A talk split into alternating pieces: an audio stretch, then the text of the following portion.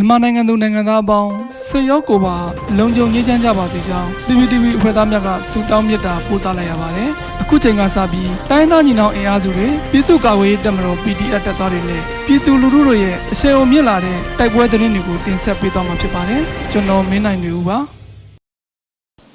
ပထမဆုံးတင်ဆက်မှာကတော့ KNU တပ်မဟာ9နယ်မြေတွင်၃ရက်စတိုင်တိုက်ပွဲများဖြစ်ပြီးစစ်သား2ဦးသေစစ်ကား2စီးပျက်စီး ကြီးစံထိမှန်ပြီးပြည်သူ2ဦးဒဏ်ရာရတဲ့တဲ့မှာကရင်အမျိုးသားစီယုံ KNU တပ်မဟာ9နယ်မြေမူဒရွန်ဖပုံခရိုင်တွင်ရှိဇန်နဝါရီလ18ရက်နေ့မှာ20ရက်နေ့အထိတိုက်ပွဲများဆက်တိုက်ဖြစ်ပွားပြီးစစ်သား2ဦးသေဆုံးစစ်ကား2စီးပျက်စီးခဲ့ကစစ်ကောင်စီခမရ434ကရန်တမ်းပစ်ခတ်လို့ထူမော်တဲ့ဒေသရှိပြည်သူ2ဦးကြည်ထိမှန်ဒဏ်ရာရရှိကြောင်းမူထော်သတင်းစင်ကထုတ်ပြန်ထားပါတယ် ဇန်နဝါရီလ18ရက်နနက်10:10မိနစ်ခန့်တွင်စစ်ကောင်စီရဲ့တရပင်ကုန်းစကန်ကို KNN ကဝင်ရောက်တိုက်ခတ်ခဲ့ရာစစ်သားတအုပ်တေဆုံးကြောင်းမွန်းလွဲ3နာရီခန့်တွင်ခမရ434ကလက်နက်ငယ်များဖြင့်ရန်တမ်းပစ်ခတ်လို့ဖာပွန်ထူမော်တဲ့ဒေသရှိအသက်85နှစ်အရွယ်နှင့်အသက်56နှစ်အရွယ်အမျိုးသမီး2ဦးကြည်ထိမှန်ဒဏ်ရာရကြောင်းမွန်းလွဲ3နာရီခွဲခန့်တွင်စစ်ကောင်စီရဲ့ညတကိုကျိုးစကန်ကို KNN ကဝင်ရောက်ပစ်ခတ်ရာစစ်သားတအုပ်တေဆုံးကြောင်းသိရှိရပါတယ်။ဇန်နဝါရီလ19ရက်မွန်းလက်တနာရီ20မိနစ်ခန့်တွင်ဖပွန်ကမ္မမောင်းလန်18မိုင်နှင့်19မိုင်ကြားတွင်စစ်ကောင်စီတပ်ဖွဲ့ကို KNN ကဝင်ရောက်တိုက်ခတ်ရာစစ်ကားတစ်စီးပျက်စီးသွားကြောင်းစစ်သားထိခိုက်ဒေဆုံးမှုကိုမသိရှိရသေးကြောင်းဇန်နဝါရီလ20ရက်တွင်လည်းဖပွန်ကမ္မမောင်းလန်22မိုင်နေရာတွင်စစ်ကောင်စီတပ်ဖွဲ့ကို KNN ကဝင်ရောက်တိုက်ခတ်ရာ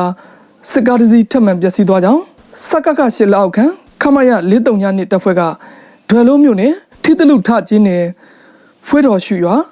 မာတော်ကျင်းနယ်ခွေးသွေရများသို့လက်နက်ကြီးလက်နက်ငယ်များရန်တမ်းပစ်ခတ်ခဲ့ကြောင်း KNU တပ်မဟာ9ကသတင်းထုတ်ပြန်ထားပါတယ်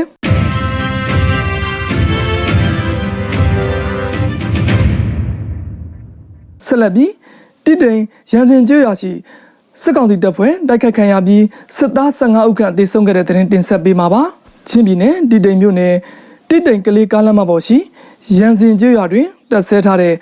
စစ်ကောင်စီတပ်ဖွဲ့ကိုဒေသကာကွယ်ရေးပူးပေါင်းတပ်ဖွဲ့များကယနေ့ဇန်နဝါရီလ22ရက်နနက်အစောပိုင်းတနာရီ45မိနစ်တွင်ဝင်ရောက်တိုက်ခတ်ခဲ့ပြီးစစ်သား15ဦးခန့်သေဆုံးခဲ့ကကာကွယ်ရေးတပ်ဖွဲ့ဝင်တအူးလည်းထိခိုက်ဒဏ်ရာရကြောင်းသတင်းရရှိပါတယ်။တိတိန်ကနေကလေးမျိုးဘက်သွားရင်တိုင်ငင်းရောက်မယ်။ပြီးရင် ရန်စင်ရွာရောက်မှာအဲ့ဒီမှာစစ်ခွေးတွေတက်ဆဲထားတာ90ကျော်ရှိတယ်ကျွန်တော်တို့ဒီမနေ့တနာရီ45မိနစ်မှာဝင်ပစ်တာနိုင်ဝေးလောက်ကြာမယ်စစ်ခွေးတွေ15ရက်လောက်တည်မယ်လို့ကျွန်တော်တို့အတီးပြုတ်လို့ရတယ်လို့ PDF ဇိုလန်ပြောခွင့်ရကပြောဆိုထားပါတယ်ရန်စင်ကျွရရှိစစ်ကောင်စီတပ်ဖွဲ့ကို CDN စီရင် PDF ဇိုလန်ကလေး PDF ဇိုကန်အာမီ CNA CDF ကကဂျီတူပူးပေါင်းတပ်ဖွဲ့များက ဝင်ရောက်တိုက်ခိုက်ခဲ့ခြင်းဖြစ်ပြီးပူပေါင်းတပ်မှတအူထိခိုက်ဒဏ်ရာရရှိကြောင်းသိရှိရပါတယ်။အဆိုပါစစ်ကောင်စီတပ်ဟာတိတိမ်မြို့နယ်အတွင်းရှိဒေသကာကွယ်တပ်ဖွဲ့များကိုတိုက်ခိုက်ရန်ဇန်နဝါရီလ12ရက်ကကလေးမြို့ဘက်မှထွက်ခါလာတဲ့အင်အားတရာခန့်ရှိတဲ့စစ်ကောင်စီတပ်ဖွဲ့ဖြစ်ပြီးလက်ရှိတွင်ရှေ့မတိုးနိုင်ပဲရန်စင်ရွာတွင်အင်အား90ကျော်ခန့်ဖြင့်တပ်ဆွဲနေခြင်းဖြစ်ပါတယ်။ အဆိုပါကလေးတိတိမ်လမ်းပိုင်းတွင်ဇန်နဝါရီလ23ရက်မှစတင်ကတိုက်ပွဲပြင်းထန်ခဲ့ပြီးစစ်ကောင်စီတပ်ဖွဲ့ဝင်20ဦးတမင်းတေဆုံးထားပြီးဖြစ်ပါတယ်။အထိနာတဲ့စစ်ကောင်စီတပ်ဟာစကိုင်းတိုင်းနဲ့ချင်းပြည်နယ်အဆက်ခိုင်ကမ်းမြို့ရှိတက္ကသိုလ်တွင်တက်ဆဲထားတဲ့အမြောက်တပ်မှလက်နက်ကြီးများဖြင့်ပစ်ခတ်တယ်လို့လေကြောင်းမှတဆင်လဲပစ်ခတ်တိုက်ခတ်ခြင်းများပြုလုပ်ခဲ့ပါတယ်